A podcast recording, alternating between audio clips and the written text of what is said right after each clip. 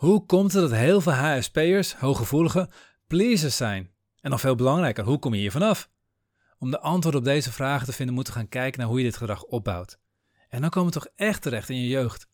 Ergens in je jeugd ben je om te gaan voorkomen dat je bepaalde dingen zou voelen of ervaren bij anderen, dit gedrag gaan vertonen. In deze aflevering leer je hoe je als HSP'er aanleert om te pleasen, je leert waarom dit een heel gezond gedrag is en hoe je van het gedrag afkomt. In de podcast benoem ik ook nog een video waar ik naar verwijs. Het linkje van deze video vind je in de beschrijving. Hey hallo, Bas van Pelt hier.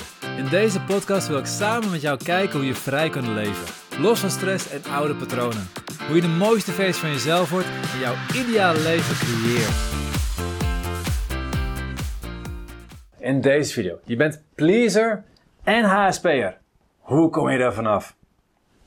Dat is eigenlijk een vraag van iemand uit onze community. Maar dit komt zo vaak voor dat ik het even in deze video voor jullie allemaal wou uh, vertellen. Kijk, er zijn, als HSP'er heb je eigenlijk drie manieren om mee om te gaan. En dat begint in je jeugd. In je jeugd leer je patronen aan waar je de rest van je leven op gaat voortbeduren. Dus je gaat nog een klein beetje die patronen verfijnen, iets anders eh, vorm van uit. Maar eigenlijk die basispatronen leer je op het moment dat alles nieuw is. Wanneer is het nieuw? Voornamelijk de eerste zeven levensjaren. Dus in je jeugd leer je de meeste patronen aan. En als je continu last hebt van alle emoties, alle energie, alle negativiteit van de mensen om je heen. Als je er last van hebt, dan wil je iets aan doen. En dan heb je drie opties. Optie 1 is je zet je hart dicht. Je gaat gewoon niet meer voelen. Niet voelen is een oplossing. Voor de korte termijn. Op lange termijn gaat het alleen maar tegen je werken. Ik heb daar een andere video over gemaakt. Ook over hoe je hart weer kunt openen.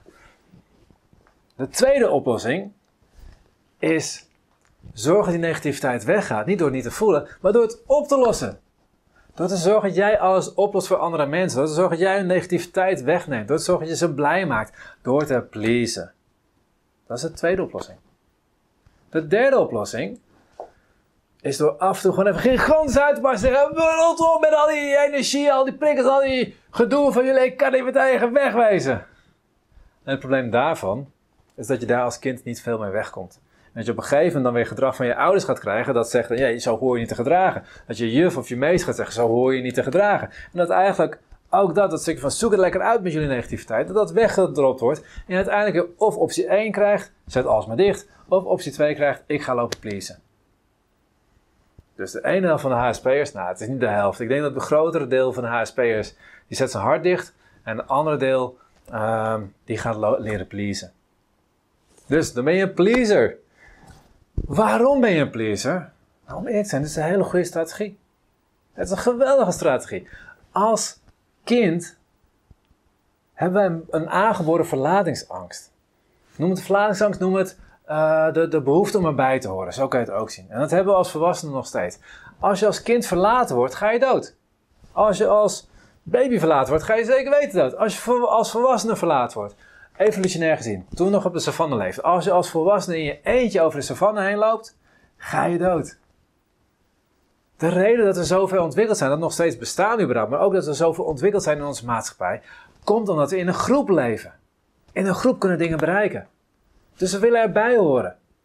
Sterker nog, zelfs als puber, als je er absoluut niet bij wil horen, wil je nog steeds bij horen.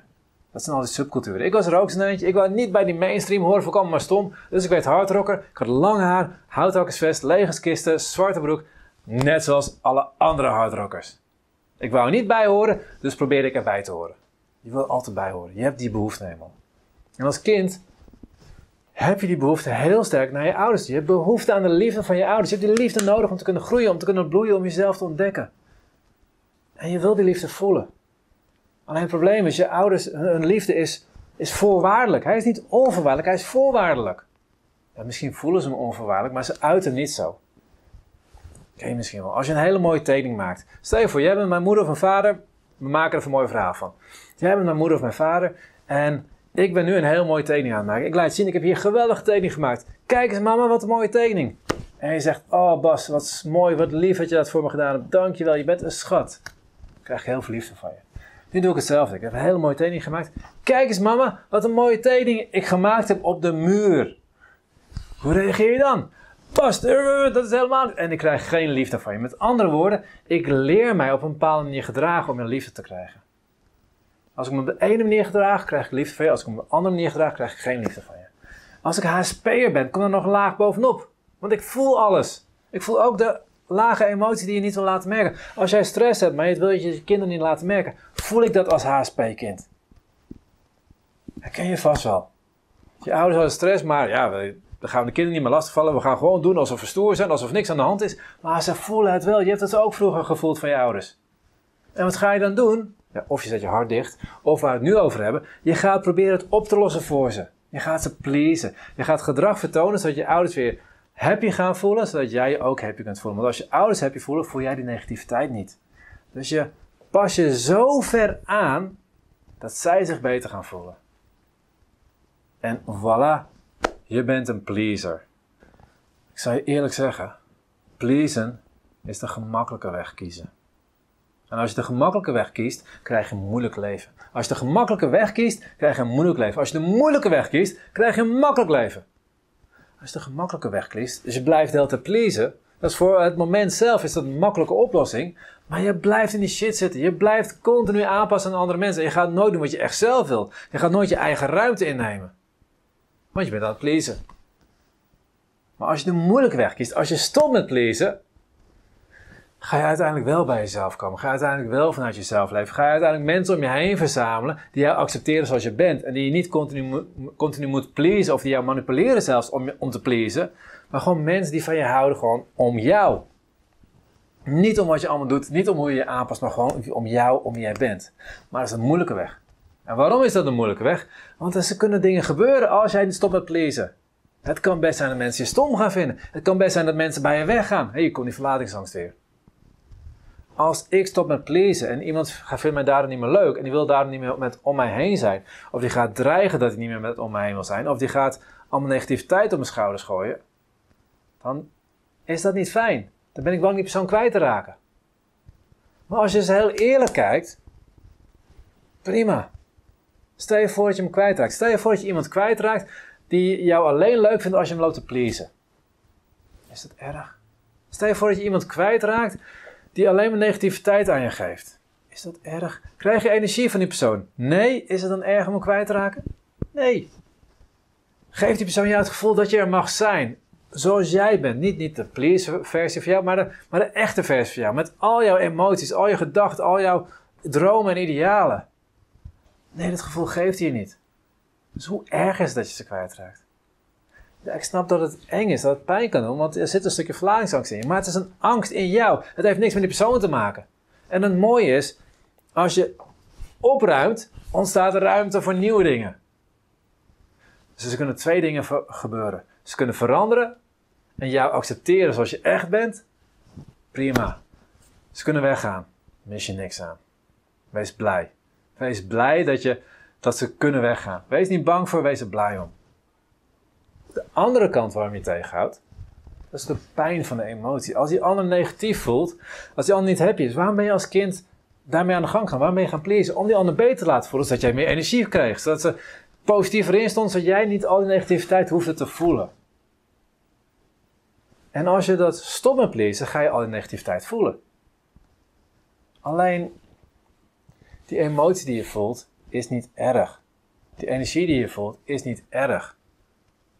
Als ik een emotie van iemand anders voel, of een emotie van mezelf voel, als ik er niks mee doe, duurt hij 90 seconden hooguit. Is hij in me gekomen, door me heen gestroomd, is hij weg. Dat is wat er gebeurt. Negatieve energie van anderen, als ik er niks bij denk, als ik het gewoon laat gebeuren, komt het, ik voel het, ik, ik neem het waar. Net zoals ik kan waarnemen dat het zonnig is of dat het regent. Ik, ik, ik zie het, ik voel het en het is weg. Maar omdat we er een verhaal van maken, daar wordt het erg. Omdat we er iets van vinden. Als je moeite hebt met mensen die boosheid voelen, dan elke keer als iemand met boosheid komt, dan is niet de boosheid wat het probleem is, maar het feit dat er wat van vindt van die boosheid. Blijkbaar mag jouw boosheid er niet van jou zijn. En daar zit het verschil in. Op het moment dat jouw boosheid er mag zijn, heb je geen last van die boosheid, maar is gewoon een energie die door je heen gaat, die je voelt. Negativiteit van andere mensen, op het moment dat jij je verantwoordelijk voor ze voelt, dat is waar please gedrag vandaan komt, dan ga je je best doen om het beter te maken. Maar op het moment dat je beseft dat jij niet verantwoordelijk bent hoe anderen zich voelen, en dat je mensen ook hun hun bitterheid, hun, verdriet, hun angst, hun, hun negativiteit mag gunnen. Want het gaat ze namelijk helpen om zichzelf te ontwikkelen. Kijk, als ik mensen met een, een heftige stress tegenkom en ik help ze even die stress af, ervaren ze geen stress meer. En gaan ze vervolgens doen wat ze altijd gedaan hebben en opnieuw stress krijgen. Als ik ze niet vanaf help, als ik ze gewoon even lekker in die burn-out terecht laat komen, zijn ze op een gegeven moment wel gemotiveerd om te veranderen. Dus gun ze hun shit, gun ze hun emotie, gun ze hun stress. Gun ze hun negativiteit. Het is niet jouw taak om dat op te lossen voor ze. Je mag ze als een goede vriend bent of goed familielid van ze bent, mag ze laten zien wat ze doen. Maar of ze iets mee doen of niet, dat is hun verantwoordelijkheid en niet jouw verantwoordelijkheid. En zodra jij er oké mee kunt zijn met wat jij voelt in jezelf, ben je ook oké met wat je voelt van anderen. En dan is er woede van iemand anders, dat, dat voel ik door me heen stromen en denk van, hé hey, goh, en dan stroomt het weer weg. Een soort tai chi wordt het. Het stroomt bij me naar binnen, ik ervaar het en ik laat het weer wegstromen. En ik hoef daar niet een van de iets voor, dat ik een soort witte roos tussen ons in visualiseer of een schild omheen. Nee, ik, ik, ik, ik besef dat ik er niks mee hoef. En dat het prima is dat ik het voel. Het is alsof je langs een lelijk schilderij komt. Je kan echt denken van, oh, wat is dat schilderij lelijk. Maar je kan ook denken van, hé, hey, lelijk schilderij. Nou, mooi. Ik ga door met mijn leven. Het beïnvloedt je leven niet. Die emoties en die energie van de ander beïnvloedt je leven ook niet. Tenzij jij een verhaal van maakt. En daar zit het probleem. Hoe kom je daarvan af? Dat begint met voelen. Stap 1 is voelen. Ga maar voelen wat je allemaal voelt. Op het moment dat er iemand naast je staat die heel veel negativiteit heeft, of, of, of nare emoties heeft, of wat dan ook, voel het maar. Ga maar eens voelen. Wat voel je nog meer namelijk? Pas als je dat kunt voelen, dan kun je ook voelen wat eronder zit. En eronder zit ook nog een stukje boosheid waarschijnlijk. Waarom denk ik dat er boosheid zit? Boosheid is de emotie, de, de, energie die je gebruikt om je eigen ruimte te creëren. Om je eigen ruimte in te nemen. Om te zeggen, hier ben ik. Alleen als je die bovenste laag niet mag voelen, mag je ook die diepe laag niet voelen. Als jij die shit van hen probeert weg te stoppen of op te lossen, dan kan je nooit die lagen die eronder zitten voelen. Dan kan je nooit bij je eigen emotie komen. Dus je onderdrukt niet alleen wat je van hen voelt, jij onderdrukt alles, dus ook jezelf. Ga voelen. Begin maar te voelen wat zij voelen. Prima, dan voel je dat. En voel door. wat voel je nog meer? Wat zit, er, wat zit eronder? Wat zit er nog veel lager? Voelen, voelen, voelen. Zodra je gaat voelen, ga je ook al die laagste ronden gaat voelen. Uiteindelijk ga je bij die laag komen waar zit wat jij echt wilt. Waar je voelt waar je heen wil. Waar je voelt wat je dromen zijn. Waar je voelt wie jij echt bent. Maar je komt er pas als je door die andere lagen heen gaat. Dus eerst die boze laag voelen. En dan kun je jezelf gaan worden. Dan kun je ontdekken wie je echt bent. Dus, voel. Accepteer wat je voelt. Leer vertrouwen dat wat jij voelt goed is.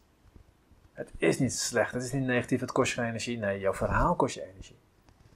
Wat je voelt is prima. Dit was de podcast voor deze week. Ik ben heel benieuwd wat je van deze podcast vond. Geef in je app even een duimpje omhoog en laat een review achter. En als je een Android-telefoon hebt, dan hebben de meeste apps geen review mogelijkheid. Ga dan naar de link in de beschrijving bij de podcast en laat daar een review achter. Ik vind het super als je dat doet, want je helpt ons enorm op die manier om meer mensen te bereiken. Tot de volgende keer en op jouw vrije leven.